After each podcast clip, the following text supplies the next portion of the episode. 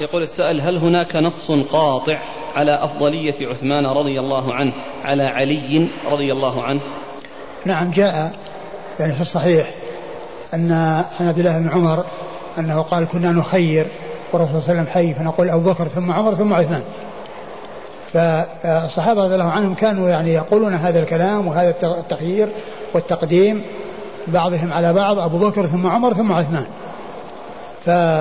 فعمر ابن عمر رضي الله عنه يروي ذلك وأن الصحابة كانوا يخيرون ويقولون هذا الكلام فلان ثم فلان ثم فلان وعثمان هو الثالث رضي الله تعالى عن الجميع.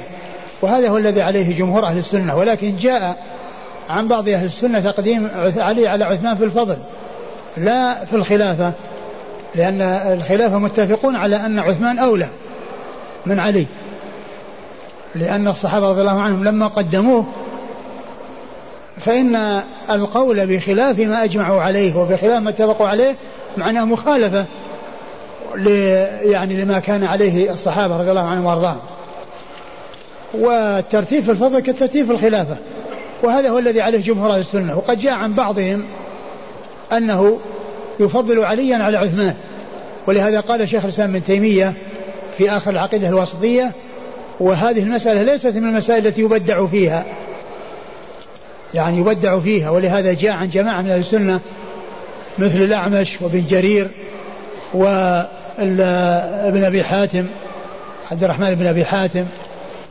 والذهبي رحمه الله لما جاء عند ترجمة ابن أبي حاتم في الميزان وكان وكانت طريقة الذهبي في الميزان أنه يذكر أناس يعني من العلماء الجهابذة ومن الثقات المتقنين ومن العلماء البارزين يذكرهم ليدافع عنهم. ما يذكرهم من أجل آه، يعني قدح فيهم ولكن من أجل أن يدافع عنهم. لما ذكر ابن أبي حاتم في الميزان قال أورده أبو الفضل السليماني في كتابه الضعفاء فبئس ما صنع.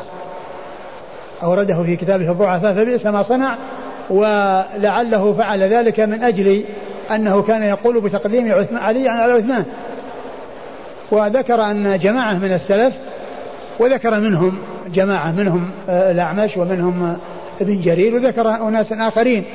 قال هذه يعني يعني آه، آه، أنه جاء عن بعض السلف ذلك. وكما قلت شيخ الإسلام ابن تيمية ذكر أن هذه المسألة ليست من المسائل التي يبدع فيها. من لقي الرسول صلى الله عليه وسلم وكان كافرا به ثم أسلم بعد وفاة الرسول صلى الله عليه وسلم. هل هذا لا يكون صحابي. لأن لأن من شرط لأن الصحابي هو أن يلقاه مؤمنا به. أما لقيه, لو لقيه وهو كافر ثم أسلم بعد وفاته صلى الله عليه وسلم فإنه لا يعتبر صحابي لأنه لم يلقه وهو مسلم وإنما لقيه وهو كافر.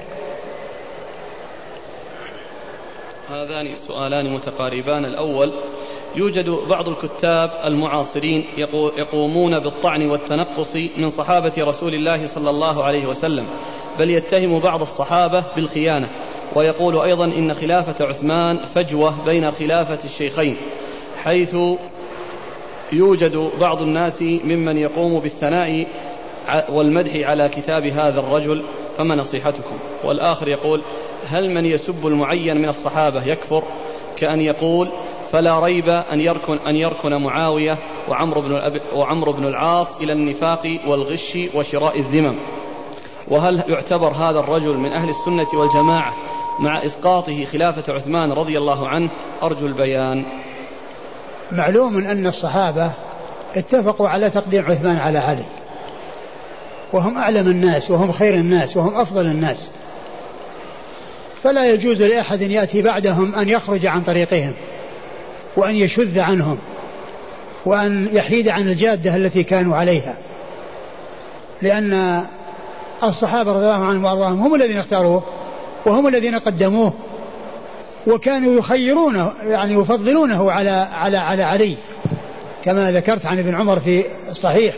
نقول كنا نخير ورسول الله صلى الله عليه وسلم حي فنقول أبو بكر ثم عمر ثم عثمان. أبو بكر ثم عمر ثم عثمان. وخلافة عثمان خلافة نبوة. وهي داخلة تحت قوله صلى الله عليه وسلم فعليكم بسنتي وسنة الخلفاء الراشدين المهديين من بعدي تمسكوا بها وعضوا عليها بالنواجذ. وهي داخلة تحت قوله صلى الله عليه وسلم خلافة النبوة بعد ثلاثون سنة ثم يؤتي الله ملكه من يشاء. بل أكثر مدة الخلافة من لهؤلاء الأربعة هي لعثمان لأن عمره اثنان عمره اثنان وثمانون سنة وقد وقد تولى الخلافة اثنتا عشرة سنة وزيادة.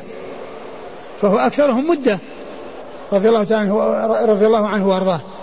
فلا يجوز النيل والقدح في أحد من الصحابة ولو كان من من آحادهم. فكيف إذا كان في القمة ومن كان في المنزلة الرفيعة و كعثمان رضي الله عنه وأرضاه الذي هو أفضل من مشى على الأرض بعد الأنبياء والمرسلين وبعد أبي بكر وعمر. وبعد أبي بكر وعمر. ومن نال من عثمان أو نال أحد من أحد من الصحابة فإنما يجني على نفسه وإنما يجلب الضرر إلى نفسه. والحافظ ابن حجر رحمة الله عليه لما جاء عند تحديث المصرات لا تصر الغنم. ثم يعني قال إن وكان الذي رواه أبو هريرة رضي الله عنه وكان بعض العلماء الذين لا يقولون بمقتضى حديث المصرات بأنه إذا سخطها يردها ومعها صاع من تمر وهم لا يقولون بمقتضى هذا الحديث.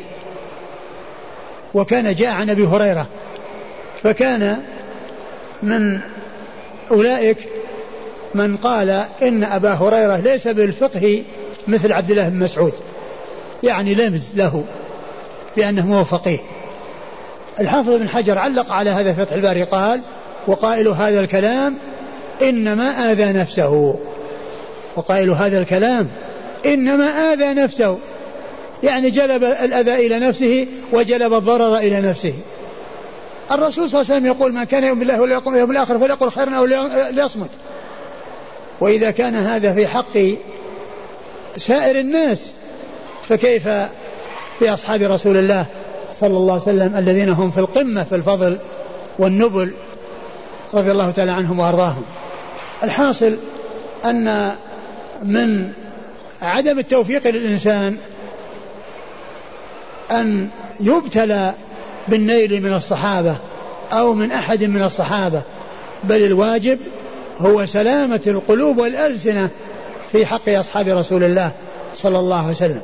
ولهذا فإن مثل هذا الكلام لا يلتفت إليه ولا يلتفت إلى قائله ولا ينبغي أن يلتفت إلى كتب من يقول مثل هذا الكلام الباطل وهذا الكلام الساقط الذي لا يليق في أصحاب رسول الله صلى الله عليه وسلم لا سيما ثالث الخلفاء الراشدين الهادي المهديين صاحب المناقب الجمة والفضائل الكثيرة الذي قال عنه الرسول صلى الله عليه وسلم إنها تستحي منه الملائكة. الذي قال عنه الرسول صلى الله عليه وسلم إنها تستحي منه الملائكة رضي الله تعالى عنه وأرضاه. السؤال الأخير وهي عبارة عن بعض الأسئلة متقاربة. بعض الناس يلقي دروسا فيما جرى بين الصحابة من الفتن بزعم الدفاع عنهم فهل هذا من منهج السلف؟ وآخر يقول ما رأيكم في من ينشر ما حدث بين الصحابة ويسجل ذلك على أشرطة؟ وأشرطته معروفة لدى الناس والعوام وطلبة العلم على السواء. وآخر يقول هذا الدكتور له أشرطة يتعرض فيها لأصحاب رسول الله صلى الله عليه وسلم. فهل يجوز بيعها ونشرها بين عوام المسلمين؟ الأشرطة التي فيها ضرر وفيها أذى وفيها كلام غير صحيح لا يجوز نشرها. وقضية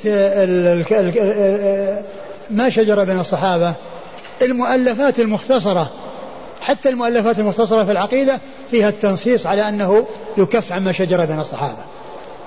لأن الكلام في الصحابة ونقل ما جرى بين الصحابة هذا قد يولد في القلوب ميل وحقد على أحدهم. فيصير يصير الإنسان تضرر قلبه وحصل له الضرر في قلبه لأن سمع كلاما في حق بعض الصحابة فصار في نفسه شيء وفي قلبه شيء. والمسلم كما مر في الآية الناصح لنفسه يسأل الله عز وجل أن لا يجعل في قلبه غل. أما أن ينقل ويأتي بكل ما هب ودب وما جاء في كتب التاريخ من كلام ليس له خطام ولا زمام ثم يعني ينشر بين الناس ويذاع بين الناس ويتلقفه الناس فإن هذا يتولد عنه أن يكون في القلوب شيء على بعض الصحابة بسبب ما يسمع من الكلام الذي لا يد يعني لا يعرف الصحيح من السقيم منه. وقد عرفنا أن ما صح هم فيه معذورون وأكثره لم يصح. أكثره كله ليس له أساس وإنه مجرد حكايات لا قيمة لها